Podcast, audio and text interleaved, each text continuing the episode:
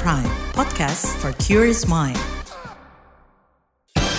Saatnya Anda dengarkan Ruang Publik KBR. Halo, selamat pagi. Kita berjumpa kembali dalam Ruang Publik KBR pagi hari ini dengan tema kita yaitu adalah aksi nyata lindungi anak di tengah darurat krisis iklim. Saudara, krisis iklim yang tengah terjadi di dunia berdampak pada banyak pihak. Salah satunya adalah anak-anak yang kerap terlupakan ikut mengalami dampak krisis iklim. Dan laporan terbaru dari Save the Children berjudul Generation Hope tahun 2022 secara global memaparkan krisis iklim ini mempengaruhi lebih dari 700 juta anak di seluruh dunia sepertiga dari populasi anak di dunia. Dan anak-anak ini juga hidup dengan dampak ganda yaitu kemiskinan yang parah dan juga darurat iklim. Dan Indonesia sendiri ternyata menempati peringkat ke-9 tertinggi secara global terkait uh, jumlah anak yang mengalami ancaman ganda tersebut. Lalu seperti apa dampak langsung, tidak langsung dari krisis iklim ini sendiri terhadap anak-anak Indonesia dan seperti apa aksi nyata untuk melindungi anak-anak ini? Pagi hari ini di ruang publik KBR sudah hadir bersama saya ada Dewi Sri Sumana, Media and Brand Manager Save the Children Indonesia dan juga Salma, Child Campaigner Jawa Barat. Selamat pagi Mbak Dewi dan juga Salma. Selamat pagi Mbak Naomi. Selamat pagi Kak Naomi. Selamat pagi, terima kasih sudah hadir di Ruang Publik KBR pada pagi hari ini ya. Baik, kita mulai dulu dari uh, Mbak Dewi dulu ya. Mbak Dewi, di laporan Generation Hope tahun 2022 ini kan disebutkan ada 700-an juta anak di seluruh dunia hidup dengan dampak ganda yaitu kemiskinan yang parah dan juga darurat iklim. Mungkin Mbak Dewi bisa jelaskan soal dampak ganda ini seperti apa? Silakan. Terima kasih Mbak Naomi. Pertama-tama saya mau mengucapkan selamat tahun baru ya untuk kita semua dan juga Sama-sama, untuk pendengar Mbak Dewi, gitu ya. semuanya. Uh, dan tahun baru ini harus jadi semangat baru, kesempatan baru dalam pengendalian krisis iklim tentunya. Nah, uh, berkaitan dengan laporan kami, laporan terkini Save the Children yang uh, bertajuk Generation Hope tahun 2022, betul sekali seperti yang disampaikan Mbak Naomi bahwa secara global uh, memaparkan diperkirakan ada 774 juta anak di seluruh dunia atau sama dengan sepertiga dari populasi anak di dunia hidup dengan dampak ganda. Hmm. Dampak gandanya apa? Satu kemiskinan yang parah, yang kedua darurat iklim. Hmm. Saya akan memberikan salah satu contoh saja secara nyata di Indonesia misalnya dari hasil yang kami temui begitu ya hmm. dan juga ini yang diidentifikasi oleh Salma dan teman-teman begitu. Jadi fakta tentang uh, dampak nyata dari uh, ke, apa krisis iklim atau darurat iklim dan kemiskinan yang parah, kami bertemu dengan salah satu remaja gitu ya, tetapi masih di usia anak karena masih di bawah 18 tahun. Namanya Agus. Dia tinggal di uh, wilayah Jawa Barat. Saya tidak menyebutkan di salah satu tempatnya ya. ya. Saat ini harusnya ia bersekolah di kelas 3 SMA tapi Agus sudah putus sekolah sejak SMP. Hmm. Jadi sejak tiga tahun yang lalu dia sudah putus sekolah. Kenapa? Karena selama lebih dari tiga tahun ayahnya Agus yang mana adalah seorang petani itu mengalami kegagalan panen yang parah. Setiap tahun itu gagal panen terus memburuk gitu ya. Bahkan kadang, kadang eh, bukan kadang sering kali itu tidak ada hasil dari panennya karena memang tidak ada yang dipanen gitu ya itu terjadi karena cuaca yang tidak menentu, cuaca yang buruk, dan juga hama yang berlebihan begitu. Dan ini tentunya berakibat pada pemasukan keluarga, income ke keluarga, ekonomi keluarga. Sehingga Agus terpaksa harus berhenti dari sekolahnya gitu. Hmm. Karena uh, mau tidak mau uh, ayah Agus juga merasa bahwa harus ada uh, resources uh, orang yang lebih banyak lagi membantu di ladang begitu ya. Salah iya. satunya ya Agus begitu. Jadi Agus harus uh, berhenti sekolah gitu dan dia harus membantu ayahnya untuk bercocok tanam gitu. Karena itu adalah sandaran uh, keluarganya Agus gitu ya. Dari hasil cocok tanam itu menjadi sumber penghidupan bagi keluarga Agus begitu. Dan Agus juga menyampaikan begitu kepada kami bahwa uh, dia bilang saya sudah putus sekolah sejak SMP. Hmm. Saya uh, bekerja membantu bapak gitu hmm. ya untuk menanam cabai di kebun uh, dan cuaca menjadi sangat tidak menentu setiap tahunnya hmm. gitu ya dan sering menyebabkan gagal panen. Hmm. Agus juga bilang, jangankan uh, untuk sekolah lagi gitu ya, untuk makan sehari-hari saja dicukup-cukupin sama keluarganya. Jadi itu adalah yang dimaksud dengan dampak ganda darurat hmm. iklim dan kemiskinan yang parah. Kenapa kami menyebut ini sebagai climate emergency atau darurat iklim? Karena memang ini udah darurat gitu. Yeah. Ini udah bukan lagi cuma terkait perubahan iklim, tapi ini udah terjadi sekarang. Hmm. Bahkan udah terjadi 5-10 tahun yang lalu gitu ya dan makin tahun itu makin darurat ketika tidak ada aksi yang dilakukan begitu.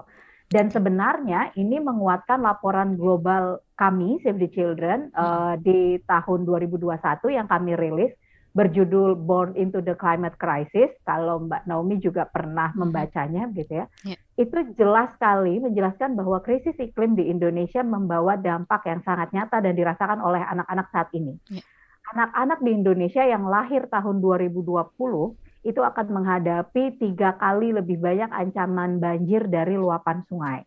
Hmm. Dan itu terbukti ya. Kita bisa uh, flashback dari tahun 2020 saja udah berapa banyak kejadian bencana yang diakibatkan karena cuaca ekstrim begitu. Lalu juga dua kali lebih banyak mengalami uh, kekeringan gitu ya eh, tiga kali lebih banyak mengalami gagal panen hmm. dan ini mengkonfirmasi apa yang dirasakan oleh Agus gitu hmm. lebih buruk lagi dampak krisis iklim ini akan membuat jutaan anak dan keluarga jatuh dalam kemiskinan jangka panjang di Indonesia dan tentunya dari semua studi yang kami ya. lakukan dan juga tidak hanya Save Digital dan saya yakin beberapa hmm. lembaga bahkan pemerintah melakukan studi ini ini menegaskan bahwa anak-anak menanggung beban yang sangat berat mm-hmm. uh, karena mereka tumbuh dalam situasi yang mengancam dan mereka juga anak-anak memiliki beragam faktor ya yang membuat mereka lebih rentan secara fisik, sosial dan ekonomi. Kurang lebih seperti itu Mbak Naomi. Baik Mbak Dewi, uh, mungkin uh, bisa di-explain juga kali ya untuk di Indonesia ini sendiri kan ada 20 ribu anak yang berpartisipasi nih Mbak. Dan untuk temuan dari Indonesia sendiri, apa ada nih Mbak temuan yang spesifik yang mungkin um, hanya terjadi pada anak-anak saja di Indonesia Mbak Dewi? Iya, iya betul sekali. Jadi uh, lebih dari 20 ribu data yang kami kumpul itu isinya suara anak, Mbak. Suara anak tentang krisis iklim apa yang mereka hadapi dan seberapa buruk hal tersebut dihadapi serta uh, apa namanya apa upaya yang bisa dilakukan gitu ya. Kesimpulannya ada terdapat 59,8 persen anak merasakan perubahan iklim mempengaruhi lingkungan di sekitar mereka dan 30,7 persen itu merasakan ketimpangan ekonomi yang mempengaruhi hak-hak dasar anak. Uh, saya ingin memberikan salah satu contoh juga bahwa dampak uh, krisis iklim ini terjadi di mana-mana. Contoh juga ada uh, anak perempuan usia 15 tahun di Jawa Barat, dia menyampaikan bahwa krisis iklim ini membuat semua harga naik. Hmm. Ekonomi mempengaruhi terhadap pendidikan juga. Bahkan ada orang tua yang tidak cukup untuk memenuhi pendidikan anaknya. Hmm. Mereka tidak segan-segan untuk memilih menikahkan anaknya di usia anak daripada harus menyekolahkannya. Hmm. Jadi itu yang disampaikan salah satu anak. Di Kabupaten Donggala juga ya. kami bertemu dengan uh, Rani, namanya kami samarkan. Okay. Dia berusia 17 tahun. Dia tinggal di pesisir pantai dan Rani ini merasakan krisis iklim secara nyata selama 17 tahun berturut-turut, Mbak. Hmm. Jadi uh, dan itu berdampak pada perekonomian uh, keluarga uh, Rani ya, hmm. ya, terutama ayahnya sebagai seorang nelayan begitu. Baik. Kenapa? Karena pendapatannya hanya bergantung pada tangkapan ikan hmm. yang setiap harinya uh, dilakukan gitu oleh uh, ayahnya. Hmm. Yang biasanya misalnya di uh, setiap harinya itu lima tahun terakhir gitu ya, yeah. lima tahun sebelumnya begitu ya, hmm. itu sehari bisa dapat seratus ribu dari dua kali menyebar jala gitu pagi hmm. dan sore. Tapi saat ini di, di semenjak tahun 2021 yeah. itu hanya bisa mendapatkan uh, jika diuangkan 45 ribu satu hari. Bayangkan ayah uh, Rahmi ini punya enam bersaudara, mm -hmm. artinya ayah dan ibunya Rani ini punya tujuh uh, bersaudara gitu ya, punya tujuh anak dan 45 ribu itu kita bisa bayangkan. Mm -hmm cukup nggak sih satu hari 45 ribu dengan tujuh anak begitu ya. Nah itu yang uh, me menggambarkan juga dampak krisis iklim ini uh, ganda gitu. Mm -hmm. Karena pada dasarnya krisis iklim ini adalah uh, sangat berpengaruh pada pemenuhan hak-hak anak. Bahkan uh, Rani juga sering bercerita gitu ya bahwa beberapa kali bercerita gitu bahwa ketika adiknya gitu yang usianya masih balita dan juga usia dini gitu ya sakit diare orang tuanya panik karena nggak punya hmm. uang untuk bawa uh, anaknya ke puskesmas, puskesmas. atau posyandu terdekat hmm. gitu. Nah, eh, apalagi kalau banjiropnya datang, itu akan berdampak juga pada Rani untuk hmm. akses ke sekolah. Baik. Karena hanya bisa memakai uh, apa namanya kano atau perahu gitu ya, hmm. dan itu bayar. Dan Rani dan keluarga nggak punya uang untuk itu. Berarti dari cerita Mbak Dewi ini soal Rani ini bisa dibilang pernikahan anak ada kaitannya banget ya Mbak ya uh, akibat krisis iklim ini sendiri ya Mbak Mbak Dewi ya. Sangat, sangat, sangat bisa memperburuk keadaannya hmm. gitu. Ruang Publik KBR akan segera kembali. Masih Anda dengarkan Ruang Publik KBR. Commercial break. Commercial break. Flash News. Saudara, berikut ini akan kita dengarkan pengakuan pendengar yang ketagihan mendengar informasi dari Buletin Pagi di KBR. Awalnya sih coba-coba ya, karena saya memang haus informasi, tapi nggak mau berlebihan karena bisa mempengaruhi mental saya juga. Jadi ya sekarang saya ketagihan deh dan nggak bisa berhenti. Bagaimana dengan Anda? Dengarkan Buletin Pagi dari Senin sampai Jumat jam 6 pagi waktu Indonesia Barat. Cukup 30 menit saja. Dengarkan juga podcastnya di kbrprime.id. KBR, inspiratif, terpercaya. Flash News.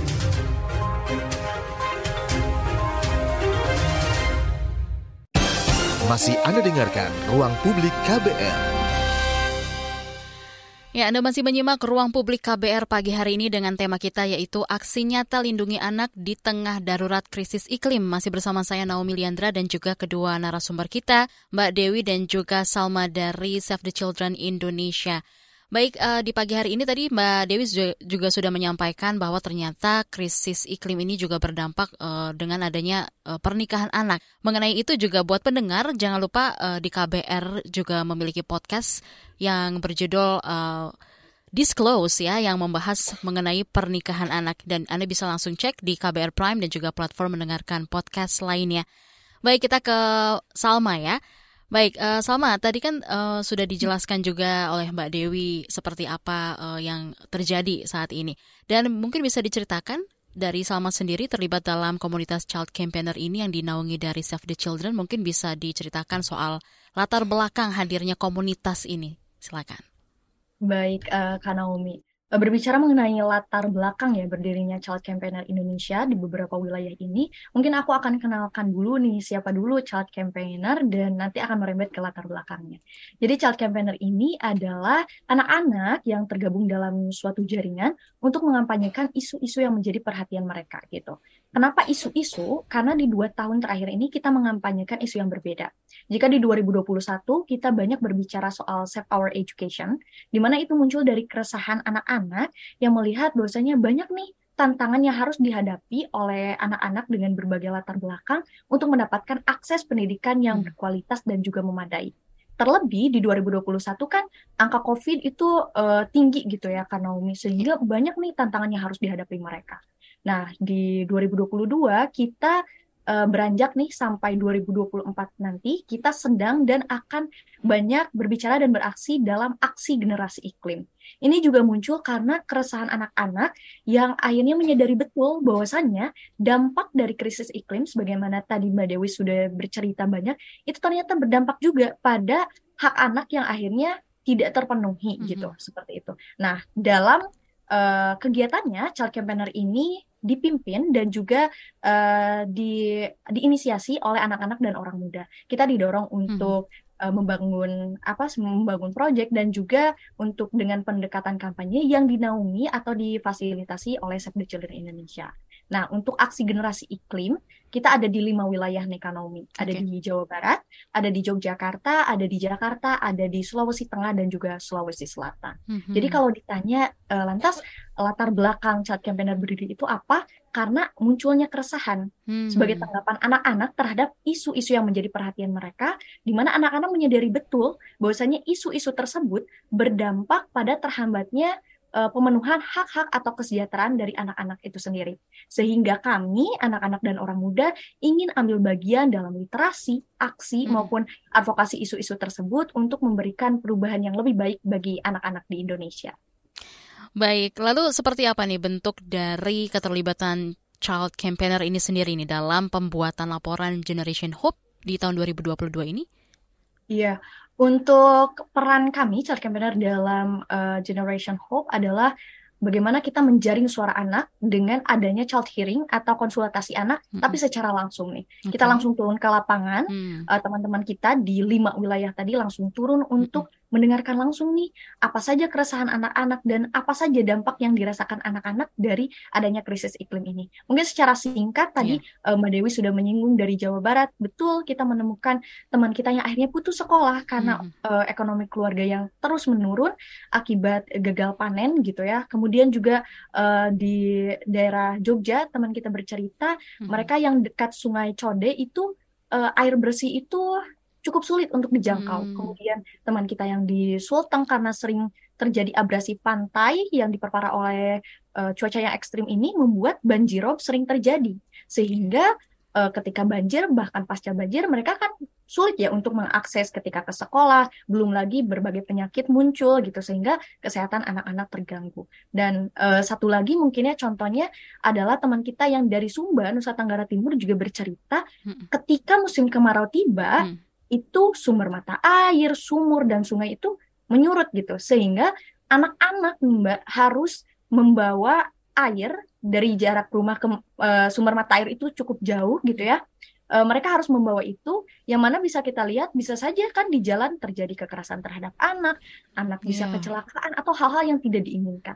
Sehingga kita menyadari betul bahwasanya krisis iklim ini sangat berdampak pada hak anak karena bagi kita krisis iklim sama dengan krisis hak anak. Kurang lebih itu yang menjadi eh, peran kita child campaigner dalam eh, Generation Hope adalah menjaring suara anak secara langsung. Baik, kita sekarang ke Mbak Dewi lagi. Mbak Dewi tadi kan eh, sempat menyampaikan gitu ya, ada beberapa contoh yang Mbak Dewi ceritakan dan juga Salma gitu terkait dengan mata pencarian dan juga kehidupan sehari-hari.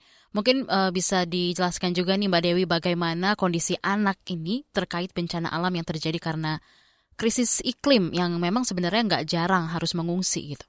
Ya, betul sekali. Jadi memang eh, sekali lagi eh, krisis iklim ini benar-benar sudah nyata terjadi gitu ya, bahkan sejak 10 tahun yang lalu gitu ya. Eh, dan dampaknya bias akan selalu banyak terkait dengan eh, bencana eh, yang berkaitan dengan cuaca ekstrim. Misalnya saja seperti yang disampaikan oleh BNPB ya, Badan Nasional Penanggulangan Bencana di tahun 2022 itu Mhm. ada eh, lebih dari seribuan bencana ya dan eh, yang paling banyak terjadi adalah bencana karena eh, cuaca ekstrim. Oke. Misalnya eh, apa namanya angin puting beliung, banjir, longsor gitu ya, eh, banjirop gitu itu kerap terjadi. Nah, ketika seperti itu maka dampaknya eh, akan dirasakan oleh anak gitu karena kita tahu bahwa anak ini memiliki banyak faktor sehingga dia menjadi kelompok yang rentan. Mhm. Artinya anak tetap harus mendapatkan pengasuhan yang pengasuhan yang baik dari orang tua atau pengasuh utamanya. Mhm. Lalu juga pemenuhan hak anaknya harus dipenuhi gitu. Apalagi kalau dalam keadaan darurat, dalam keadaan eh, bencana begitu, eh, kerap kali kita temukan pemenuhan hak anak ini belum maksimal gitu ya. Jangankan di eh, kondisi eh, darurat ya, di kondisi normal pun juga begitu gitu. Jadi ini penting sekali untuk memastikan bahwa hak-hak anak dalam kondisi darurat itu juga terpenuhi gitu. Karena misalnya saja kalau Cianjur gempa ya belum bisa dibilang sebagai dampak dari eh, krisis iklim gitu ya, bencananya gitu ya. Tapi eh, ketika misalnya eh, kita mau datang ke memberikan bantuan, contoh misalnya ke Cianjur gitu ya, lalu terjadi uh, hujan lebat, lalu terjadi longsor, jalanan tertutup, kita tidak bisa memberikan bantuan, itu yang uh, kita bisa sampaikan bahwa dampak dari krisis iklim itu uh, dalam kondisi darurat itu juga uh, sangat mempengaruhi pemenuhan hak-hak anak. Gitu. Hmm, okay. Jadi itu salah satu contohnya kalau untuk bencana. Mbak Dewi, ini dari Save the Children sendiri kan dalam siaran persnya menegaskan ya kalau krisis iklim dan juga ketimpangan ini tidak segera ditangani, frekuensi dan tingkat keparahan krisis kemanusiaan serta biaya hidup juga bakal terus meningkat. Nah, apa nih Mbak dampak terburuk yang mungkin bakal dialami anak-anak di Indonesia dan juga dunia kalau krisis iklim ini terus berlanjut dan nggak diatasin juga Mbak Dewi? Iya, seperti tadi Salma udah sampaikan ya, krisis iklim itu adalah krisis terhadap hak-hak anak. anak. Mm -hmm. Dan anak-anak kalau bicara dampak terburuknya terancam menghadapi kemiskinan jangka panjang karena biaya hidup yang terus meningkat dari dampak krisis iklim ini. Bayangkan kalau kemiskinan jangka panjang maka akan berdampak pada banyak hal. Tadi berdampaknya eh, anak-anak uh, juga terancam untuk uh, terutama misalnya anak perempuan ya uh, terancam untuk uh, dinikahkan hmm, uh, di usia anak hmm. begitu lalu juga pemenuhan hak anak yang lainnya terputus misalnya uh, daripada memilih untuk menyekolahkan dan bayar lebih baik uh, kerja gitu ya jadi pekerja anak nanti juga terancam naik gitu ya dan drop out school juga anak-anak yang berhenti sekolah juga uh, terancam lebih banyak begitu. Jadi mm uh, ketika uh, akar permasalahannya adalah selalu tentang kemiskinan, maka itu akan sangat membahayakan terhadap uh, pemenuhan hak-hak anak gitu. Jadi uh, mudahnya kalau kita mau menangkap krisis iklim ini buruknya seperti apa sih gitu ya. Sebelum terjadinya eh, sebelum uh, kris, uh, iklimnya menjadi krisis begitu ya perubahan uh, iklimnya menjadi sangat masif bumi kita menjadi sangat panas sebelum itu pun hak-hak anak banyak yang tidak terpenuhi gitu. Banyak kasus-kasus kekerasan pada anak banyak anak-anak yang keluar uh, apa drop out school gitu ya. Banyak juga anak-anak yang uh, mereka uh, dipaksa untuk menikah gitu banyak anak-anak yang bekerja gitu ya sebelum iklim perubahan iklim krisisnya uh, menjadi krisis dan menjadi lebih buruk itu pun juga sudah terjadi. Nah, krisis iklim ini memperburuk keadaan anak-anak karena situasi yang lainnya itu menjadi buruk hmm. gitu. Situasi sekitarnya menjadi buruk. Mudahnya untuk memahami seperti itu. Hmm. Jadi artinya itu yang tadi disampaikan oleh Salma juga. Jadi ketika krisis iklim maka itu menjadi krisis hak-hak anak. Ketika tidak ada pengendalian terhadap hmm. krisis iklimnya. Baik, Mbak Dewi. Sekarang kita ke Salma lagi. Uh, dari Child Campaigner ini kan juga melakukan berbagai kegiatan terkait adaptasi dan juga mitigasi perubahan iklim ya. Mungkin bisa diceritain apa aja sih kegiatan-kegiatan dan siapa aja yang terlibat? Baik, uh, senang banget nih bakal bercerita soal aksi yang sudah kita lakukan ya karena yeah. di 2022 kemarin itu banyak sekali. Tadi aku mention ada di lima wilayah uh, yang mungkin besarnya adalah yang pertama kita sudah melaksanakan skoci ini atau sekolah cerdas iklim hmm. sebagai bentuk peningkatan kapasitas buat kita child campaigner dalam memahami apa itu krisis iklim terutama adalah dampaknya kan terhadap uh, terkikisnya hak-hak anak uh, di masa yang akan datang gitu hmm. sehingga melalui skoci ini kita diharapkan bisa lebih apa ya lebih terstruktur lagi nih dalam menata nanti aksinya, advokasinya sehingga bisa lebih tepat sasaran lagi. Itu di lima wilayah tadi sudah dilaksanakan gitu skoci itu. Nah kemudian juga kalau di Jawa Barat sendiri uh, aksi yang sudah dilakukan adalah pada peringatan Hari Air Maret mm -hmm. 2022 uh, kita sekaligus uh, child hearing dengan anak-anak petani kita berdiskusi tentang krisis iklim uh, termasuk di dalamnya kita ada kegiatan untuk menanam pohon dan juga pelepasan bibit ikan.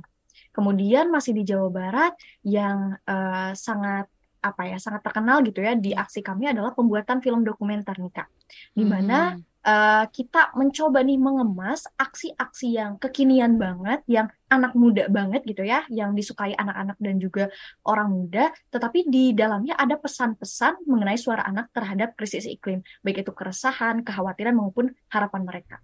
Nah, kita melibatkan uh, teman-teman dari Forum Anak di Jawa Barat, ada di Bandung Raya terutama, untuk membuat satu film, uh, hmm. film dokumenter, untuk sama-sama kita putar, kita kaji, dan juga kita apresiasi di sana. Nah, tidak kalah seru di daerah lain juga seperti di Sulteng misalkan di Sulawesi Tengah mereka apa bersih-bersih hmm bersih-bersih atau pungut sampah di pantai, kemudian penanaman mangrove untuk mencegah abrasi pantai. Juga mereka sudah melaksanakan kegiatan yang seru juga nih, hmm. ada ruang seni berupa mengaspirasikan uh, mengenai krisis iklim gitu ya melalui monolog, puisi.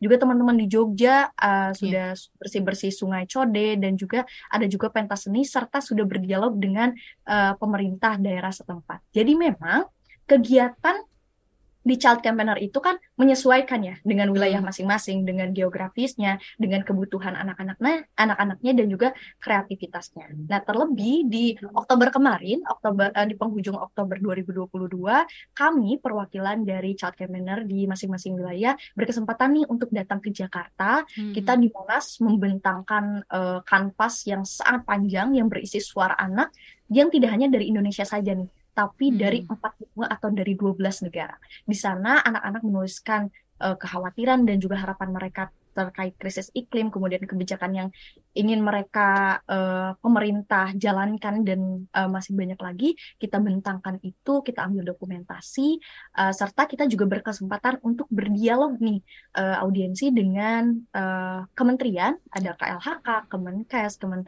PPA, kemudian juga KMK terkait aksi generasi iklim. Jadi memang kegiatannya itu seru-seru sekali gitu ya di 2022 mm -hmm. ini dan tidak sabar nih pengen juga di aksi-aksi di 2023 ini Seperti ya. itu, iya kan. Ini keren banget ya uh, Salma explainnya juga dan uh, saya juga pribadi kagum ya dengan Salma ini sendiri. Ruang Publik KBR akan segera kembali. Masih Anda dengarkan Ruang Publik KBR. Yuk follow social media KBR. Twitter at Berita KBR, Instagram at KBR.id, Youtube Berita KBR. Masih Anda dengarkan Ruang Publik KBR. Ya, kita kembali lagi di ruang publik KBR pagi hari ini dengan tema kita yaitu aksi nyata lindungi anak di tengah darurat krisis iklim. Masih bersama dengan Mbak Dewi dari Save the Children Indonesia dan juga Salma Child Campaigner Jawa Barat kita akan bacakan beberapa pesan singkat yang masuk di WhatsApp dan juga komentar-komentar yang sudah ada di channel YouTube Berita KBR. Dari YouTube dulu kita akan baca ya Mbak Dewi dan juga Salma. Satu persatu, di sini ada dari Apriliana Lestari. Mohon izin tanya, apakah ada dampak nyata secara psikologis terhadap seorang anak yang menjadi korban kemiskinan orang tuanya? Kadang-kadang jadi merasa minder atau kecil hati dalam pergaulan. Silakan bisa ditanggapi dulu. Ya, makasih. Tadi saya juga lihat di YouTube, uh, bagus sekali gitu ya pertanyaannya. Betul, uh, punya dampak untuk itu gitu ya. Kerap hmm. kali, uh, termasuk salah satu yang uh, disampaikan oleh anak-anak di Children Hearing atau survei kami gitu. Hmm.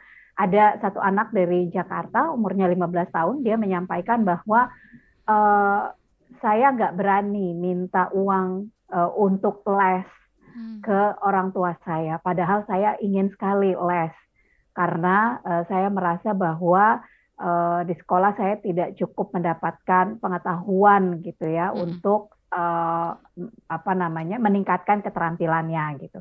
Tetapi karena dia melihat ekonomi orang tuanya semakin menurun, semakin menurun sehingga dia tidak berani yeah. untuk bahkan menyampaikan hal tersebut. Dan itu ber, uh, berdampak pada si anak ini dia bilang saya minder ketika harus uh, berdiskusi dengan teman-teman karena saya uh, tidak mengetahui hal yang dibahas di tempat les mereka bersama gitu. Jadi itu salah satu contoh nyata yang langsung di, disampaikan oleh anak-anak gitu ya. Okay. Nah dalam konteks ini tentunya uh, peran orang tua menjadi penting. Hmm. Peran orang tua menjadi penting. Apa pun permasalahan yang dihadapi oleh orang tua, saya rasa itu penting juga untuk dikomunikasikan ke anak dan hmm mendengar juga dari sisi anak apa sih sebaiknya yang uh, kita bisa perbaiki atau misalnya ada nggak ya kos di rumah atau uh, biaya di rumah yang bisa kita tekan sehingga misalnya uh, bisa menjadi prioritas untuk yang lainnya gitu atau upaya-upaya lain yang uh, digali juga didengarkan dari aspirasi anaknya gitu. Itu juga penting gitu karena uh, sekali lagi jangan sampai karena tadi ya uh, ekonomi begitu akhirnya uh, itu sangat berdampak pada psikologis anak gitu. Baik, Mbak Dewi, mungkin dari Salma ada yang mau ditambahkan soal tanggapan dari komentar YouTube? Uh, baik, iya, setuju sekali ya dengan apa yang disampaikan oleh Mbak Dewi yang uh, sudah menjaring suara anak melalui child hearing itu gitu ya. Uh, betul sekali, di mana kemiskinan akibat krisis iklim itu sangat berpengaruh pada psikologis anak, di mana misalkan tadi kan disebutkan bahwasanya ketika hmm. krisis iklim terjadi, ekonomi semakin menurun yeah. dan tidak dapat dipungkiri itu membuat orang tua stres, betul kan? Mm-hmm. Orang tua stres, pelampiasannya tidak menutup kemungkinan adalah anak entah itu misalkan dari segi kata-kata yang tidak mengenakan anak karena uh, ketika misalkan terjadi uh, kekerasan secara psikologis seperti itu tentu saja kan anak merasa uh, apa merasa berkecil hati merasa sakit hati dengan adanya timbul kekerasan sehingga hmm. bisa disimpulkan dengan adanya kemiskinan ini kekerasan-kekerasan itu pasti bisa terjadi kepada anak termasuk di dalamnya adalah kekerasan psikologis. Baik, kita lanjut lagi baca beberapa komentar yang masuk di channel YouTube KBR. Ada Mas Doniel. Apakah sudah ada badan atau penyelenggara semacam badan amal yang membantu atau menangani anak-anak dampak krisis ini? Silakan Mbak Dewi bisa ditanggapi. Iya, banyak. banyak sekali gitu ya lembaga, institusi gitu ya yang uh, fokus uh, terhadap pengendalian krisis iklim terutama untuk membantu uh, masyarakat yang terdampak gitu. Kalau untuk anak-anak tentunya ada Save the Children dan ada lembaga-lembaga lain juga begitu ya uh, di Indonesia yang uh, turut uh, berkonsentrasi untuk pengendalian krisis iklim dan terutamanya adalah memastikan hak-hak anak terpenuhi begitu. Mm-hmm. Nah, di sisi lain juga dalam konteks ini uh, sebenarnya uh, sudah ada uh, kesepakatan bersama melalui COP27, melalui G20 gitu ya. Hmm. Kesepakatan bersama negara-negara untuk memastikan bahwa mereka menekan uh, apa namanya angka uh, sam tidak sampai 2 derajat Celcius, tetapi juga ada komitmen pendanaan secara global gitu. Jadi uh, itu yang harus terus didorong untuk implementasinya begitu ya untuk yeah. Iya. uh, apa namanya memastikan bahwa pengendalian krisis iklim penanganan krisis iklim terutama kepada uh, masyarakat dan anak-anak yang paling terdampak mm -hmm. itu harus diprioritaskan seperti itu. Baik, kita lanjut lagi baca yang sudah masuk di komentar YouTube. Ada Bimo di Tangerang Selatan ingin bertanya pada Ibu Dewi. Siapa pihak-pihak atau stakeholder yang menurut STC paling penting untuk diajak terlibat dalam menangani krisis iklim dan anak ini? Dan seperti apa contoh keterlibatannya? Silakan Mbak Dewi. Ya, terima kasih. Menurut saya uh, seluruh pihak ya, menurut Save the Children itu penting untuk mempunyai peran dalam melindungi anak-anak dari dampak krisis iklim. Hmm. Pertama tentu pemerintah uh, yang kami harapkan tentunya dari pemerintah adalah kebijakan dan implementasi kebijakan yang berpusat pada anak terkait dengan penanganan dan pengendalian krisis iklim gitu ya. Hmm. Jadi memprioritaskan program-program pengendalian dan penanganan terutama pada anak-anak dan keluarga yang paling terdampak gitu. Hmm. Jadi tidak melulu selalu fokus pada infrastruktur ketika bicara krisis iklim misalnya energi terbarukan yeah. gitu ya tetapi langsung merespon gitu hmm. terhadap eh, anak-anak uh, dan keluarga yang merasakan dampaknya secara langsung. Faktanya tadi saya sudah menyampaikan di awal ceritanya Agus, cerit di Jawa Barat, ceritanya Rani di Donggala. Lalu banyak juga cerita-cerita anak-anak yang kami temukan terutama di lima provinsi uh, yang ada child campaigner-nya. Jadi itu dari eh, peran pemerintah ya, di mana uh, kita berharap kebijakan atau policy yang terkait dengan penanganan dan pengendalian krisis iklim ini lebih berpihak pada anak gitu.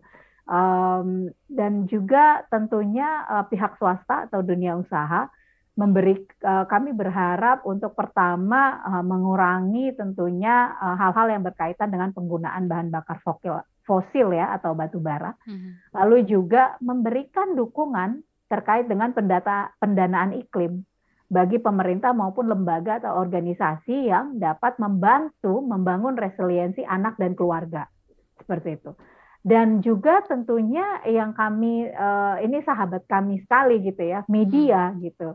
Uh, penting sekali peran media di sini untuk memprioritaskan pemberitaan terkait dampak krisis iklim dan mengangkat narasi-narasi tentang upaya adaptasi sehingga lebih banyak lagi keluarga, masyarakat yang terpapar informasi tentang bagaimana cara beradaptasi dari darurat iklim ini gitu. Karena jelas di hasil riset kami di 2019 bahkan uh, sebelum bicara jauh tentang krisis iklim di 2019 ketika kami menanyakan anak-anak di Jawa Barat, lagi-lagi Jawa Barat ya, menanyakan anak di Jawa Barat tentang Uh, kamu tahu nggak sih ada krisis iklim hmm. gitu ya? Uh, kamu tahu nggak sih uh, kamu merasakan saat ini cuaca yang ekstrim gitu? Hmm. Mereka tahu, mereka paham bahwa mereka sedang mengalami perubahan iklim yang parah gitu ya, krisis iklim gitu. Mereka paham.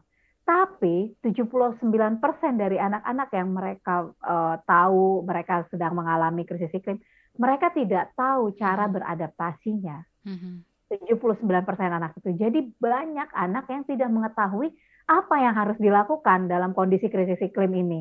Makanya penting juga uh, seluruh pihak termasuk saya berharap media gitu ya yeah. untuk memprioritaskan pemberitaan terkait dampak krisis iklim dan uh, mengedepankan narasi-narasi upaya adaptasi begitu dan juga tentunya untuk akademisi expert atau ekspor gitu ya eh, kami berharap terus memiliki uh, terkait apa update data gitu ya update terkini terkait penanganan dan pengendalian krisis iklim sehingga kita bisa terus mendapatkan evaluasi sudah sejauh mana sih effort kita gitu dan apa yang harus ditangani gitu ya. Itu juga penting gitu ya dari uh, akademisi dan expert. Kurang lebih seperti itu. Baik Mbak Dewi, ini satu lagi kita baca dulu di komentar YouTube KBR ada dari Yatni di Tangerang. Senang sekali ada anak muda yang peduli isu terkait anak seperti komunitas Child Campaigner. Saya juga ingin anak saya ikut kegiatan bermanfaat seperti ini. Kalau boleh tahu gimana caranya bisa bergabung dan ada di daerah mana aja ya Child Campaigner ini. Silakan bisa ditanggapi oleh Salma. Baik, Kak Naomi. Waduh, Uh, child campaigner sendiri kan sudah aku mention tadi ada di lima wilayah, mm -hmm. ada Jawa Barat, ada Yogyakarta, ada Jakarta, ada Sulawesi Tengah dan juga uh, Sulawesi Selatan gitu ya. Yeah. Ada lima dan rencananya nih di 2023 ini kita akan uh, membuka lagi di wilayah-wilayah lainnya. Kita akan uh, inginnya gitu bergerak secara masif lagi seluruh wow. wilayah Indonesia mempunyai mm -hmm. child campaignernya sehingga kalau misalkan ingin masuk nih uh, dengan child campaigner yang sudah ada di lima wilayah tadi boleh nih langsung dengan uh, mengirimkan pesan DM gitu ya ke Instagramnya child campaigner child campaigner underscore Jawa Barat misalkan dan daerah-daerah okay. lainnya sama dengan username yang sama dengan hmm. nama daerah yang berbeda hmm. ataupun misalkan teman-teman uh, di luar sana selain di lima wilayah tadi aku pengen nih uh, buka chat campaigner juga di wilayahku hmm, okay. dengan uh, apa dengan bantuan dan juga dorongan dari teman-teman dan yeah. juga aksi-aksi yang akan dilakukan ke depannya mm. ingin membentuk juga child campaigner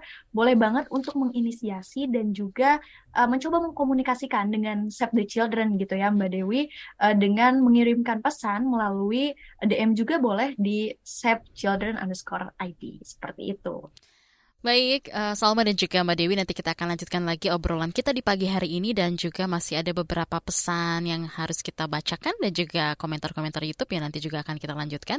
Ruang Publik KBR akan segera kembali. Masih Anda dengarkan Ruang Publik KBR.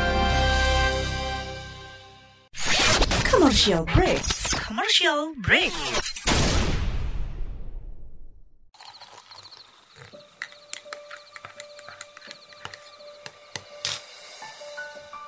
Hai, kamu apa kabar? Masih suka menikmati senja dan kopi? Aku masih ingat kebiasaan kita. Sehabis pulang kerja, selalu mencari tempat untuk sekedar ngobrol dan ngopi. Tapi kadang kita kehabisan bahan obrolan.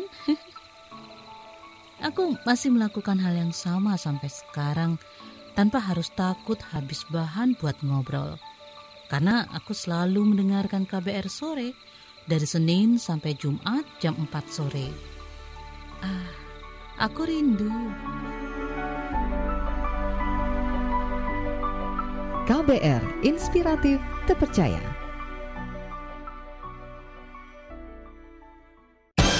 Masih Anda dengarkan Ruang Publik KBR. Masih bersama dengan Mbak Dewi dari Save the Children Indonesia dan juga Salma Child Campaigner dari Jawa Barat. Nah, sebelum kita lanjutkan lagi pertanyaan pertanyaan-pertanyaan yang sudah masuk di pesan WhatsApp KBR juga, saya mau ke Mbak Dewi dulu ya. Mbak Dewi ini kan ada dua forum dunia ya yang berlangsung tahun lalu yaitu pertemuan G20 di Bali dan juga konferensi perubahan iklim COP27 di Mesir. Mungkin uh, bisa dijelaskan seperti apa peran forum-forum global ini dalam mengatasi krisis iklim yang saat ini terjadi? Ya, terima kasih Mbak. Uh, ini peran forum-forum ini sangat penting ya, karena yang datang adalah petinggi-petinggi negara. Contoh misalnya G20 yang uh, tahun lalu kita menjadi tuan rumahnya gitu ya. Sangat penting karena presiden, perdana menteri gitu ya, seluruh petinggi-petinggi negara itu hadir gitu, termasuk negara-negara uh, maju gitu ya Uh, di mana uh, dalam konteks G20 misalnya jelas sekali bahwa yang diprioritaskan tentang penanganan uh, pengendalian krisis iklim salah satunya. Nah, begitu juga dengan uh, COP27 ya, mm -hmm. uh, konferensi yang terkait dengan uh, penanganan uh, krisis iklim ini juga uh, spesifik membahas tentang komitmen-komitmen negara jadi tidak hanya komitmen tapi juga apa sih yang yang benar-benar urgensi dan ambisius harus dilakukan uh, untuk menangani uh, krisis iklim begitu ya. Contoh misalnya uh, kalau dalam konteks uh, balik lagi ke tujuan Paris Agreement ada empat hal yang dilakukan gitu ya, yang harus dilakukan oleh berbagai negara dan kami Save the Children mendorong ini terus menerus hmm. uh, dalam setiap tahunnya gitu ya, khususnya di uh, terkait dengan COP gitu.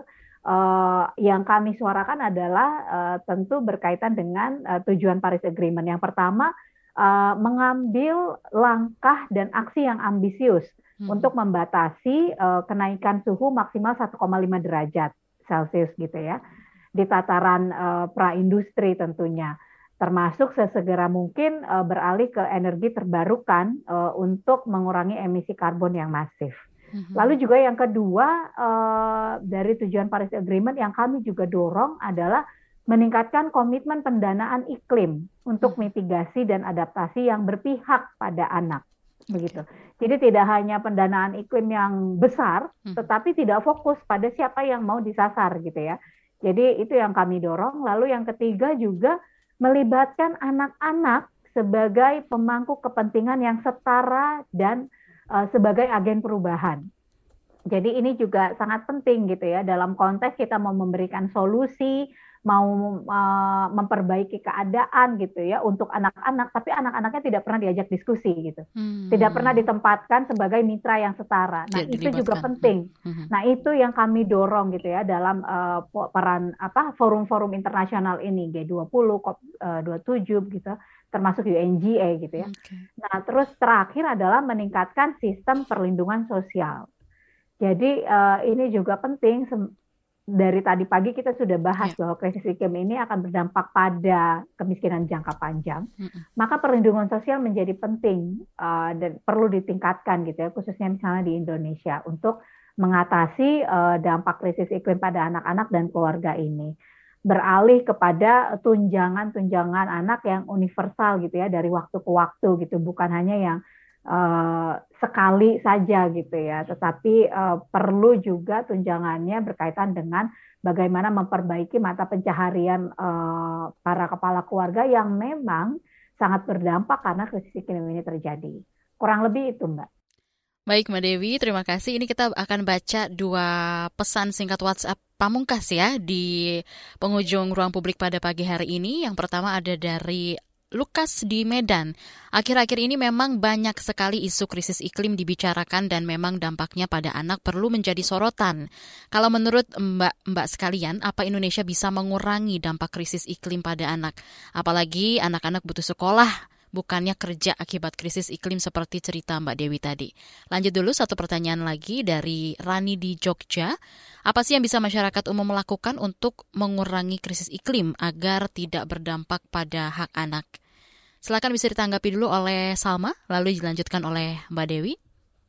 Baik, uh, terkait dengan uh, pertanyaan pertama gitu ya, uh, Maaf, Kak Naomi boleh diulang gak ya? Tadi suaranya agak terputus-putus gitu nih Salma. Baik, untuk pertanyaan pertama dari Lukas di Medan, akhir-akhir ini memang banyak sekali isu krisis iklim dibicarakan dan memang dampaknya pada anak perlu menjadi sorotan. Kalau menurut Mbak, apa Indonesia bisa mengurangi dampak krisis iklim pada anak? Hmm. Apalagi anak-anak ini kan butuh sekolah, bukannya kerja akibat dari krisis iklim seperti yang diceritakan Mbak Dewi tadi. Silakan. Uh, baik, terima kasih. Bisa tidak Indonesia untuk eh, mengurangi dampak krisis iklim supaya tidak memperparah krisisnya hak anak gitu? Hmm. Saya uh, pribadi menyebutkan bisa, asalkan kita bergerak secara masif kita bergerak secara keseluruhan seluruh masyarakat Indonesia baik itu anak-anak, orang muda, kemudian badan-badan, organisasi-organisasi dan utamanya pemerintah harus sama-sama berpegangan tangan untuk uh, melakukan melakukan perubahan demi mengurangi dampak krisis iklim terhadap anak. Nah, dalam hal ini uh, pemerintah misalkan dalam membuat kebijakan baik itu jangka pendek, jangka menengah ataupun jangka panjang, hmm. itu kan harus memperhatikan nih apa saja masalahnya, kemudian apa saja kendala-kendala yang dihadapi oleh anak-anak, uh, termasuk tantangannya, serta libatkan nih anak-anak dalam pembuatan strategi dalam mitigasi maupun adaptasi perubahan iklim seperti itu. Nah, karena percayalah bahwa anak-anak itu berdaya, anak-anak bisa, anak-anak mampu untuk memecahkan masalah anak-anak hanya butuh ruang, hanya butuh uh, fasilitas gitu ya untuk menyampaikan suara dan juga uh, aspirasinya gitu. Kita sebagai anak-anak tidak hanya ingin menerima manfaat saja hmm. dari uh, aturan yang sudah dikeluarkan oleh pemerintah, tetapi kita juga ingin terlibat nih dalam strategi pembuatan kebijakan tersebut. Karena kan kita yang akan melaksanakan uh, kebijakan tersebut, aturan tersebut. Otomatis aturan tersebut harus bisa sesuai dengan uh, kebutuhan kita. Baik. Jadi jika ditanya Indonesia bisa atau tidak, sangat bisa Indonesia untuk uh, mengurangi dampak krisis iklim terhadap anak. Baik dari Mbak Dewi, silakan untuk uh, pamungkasnya juga, silakan bisa disampaikan Mbak Dewi, karena waktu terbatas, mohon maaf. Wah, saya rasa Rak Salma sudah menyampaikan uh, sangat powerful ya. Betul, saya setuju dengan Salma bahwa Indonesia sangat bisa memperbaiki keadaan ini begitu ya. Karena kita uh, orang-orang Indonesia itu orang-orang yang penuh dengan komitmen, penuh dengan harapan dan orang-orang Indonesia itu gotong royong gitu ya. Mm-hmm. Jadi uh, sangat bisa. Eh, bagaimana caranya? Tadi yang seperti saya sampaikan uh, dari pertanyaannya Mas Bimo ya tadi ya dari Tangerang, apa sih yang harus dilakukan? Jadi ini adalah uh, lakukan upaya-upayanya kolektif dan sesegera mungkin gitu. Hmm. Tetapi juga konsisten, bukan hanya sekali dilakukan selesai, sekali dilakukan selesai tidak gitu ya. Tetapi kolektif, konsisten dan sesegera mungkin menjadi prioritas seperti yang disampaikan Salma tadi bahwa libatkan anak-anak, berdayakan anak-anak, tidak menjadi objek tetapi menjadi subjek, menjadi pusat. Anak-anak juga sangat punya ide, gagasan, solusi gitu ya yang uh, sangat pamungkas gitu ketika uh, mereka diberdayakan dan diberikan ruang yang aman gitu. Jadi pihak-pihak pemerintah, organisasi, pihak swasta, media, akademisi, itu semua seluruh pihak itu bisa melakukan, terutama masyarakat. Saya mau jawab pertanyaan yang berikutnya ya Mbak ya. Tadi karena ini berkaitan Baik. dengan masyarakat, apa sih yang bisa dilakukan oleh masyarakat gitu? Pertama, tidak memperburuk keadaan. Mm -hmm. Tidak memperburuk keadaan, gimana caranya? Mengubah pola hidup kita lebih ramah lingkungan, tidak menjadi orang yang konsumtif, hmm. sehingga kita tahu prioritas mana yang kita butuhkan, bukan yang kita inginkan. Yeah. Karena ketika kita menjadi orang yang konsumtif, kita akan memakai plastik uh, lebih banyak, hmm. buang sampah sembarangan, gitu ya, membak dan itu akan berdampak pada banyak orang yang membakar sampah dan lagi-lagi gas rumah kacanya menjadi sangat tebal, gitu ya, bumi menjadi sangat panas. Nah itu yang bisa dilakukan oleh kita, dimulai dari diri sendiri. Uh, sesederhana misalnya menghemat energi di rumah. Kalau lampu nggak dipakai ya jangan yeah. dinyalain gitu ya. Hmm. Uh, uh, terus misalnya uh, kalau pasang AC, terutama orang-orang yang di Jakarta nih kan kita panas banget ya. Yeah. Kalau pasang AC ya jangan 24 jam juga gitu misalnya. Terus uh, uh, menggunakan sumber energi yang terbarukan Baik. sangat jelas. Lalu juga uh, menanam pohon dan berkebun. Itu Ya. salah satu yang bisa kita lakukan dimulai dari diri kita sendiri. Baik, terima kasih banyak Mbak Dewi Sri Sumanah, Media and Brand Manager Save the Children Indonesia, dan juga Salma, Child Campaigner Jawa Barat untuk waktunya di pagi hari ini di ruang publik KBR dengan tema kita Aksi Nyata Lindungi Anak di Tengah Darurat Krisis Iklim. Saya Naomi Liandra pamit, sampai jumpa dan selamat pagi. Baru saja Anda dengarkan Ruang Publik KBR. KBR Prime, cara asik mendengar berita. KBR Prime, podcast for curious mind.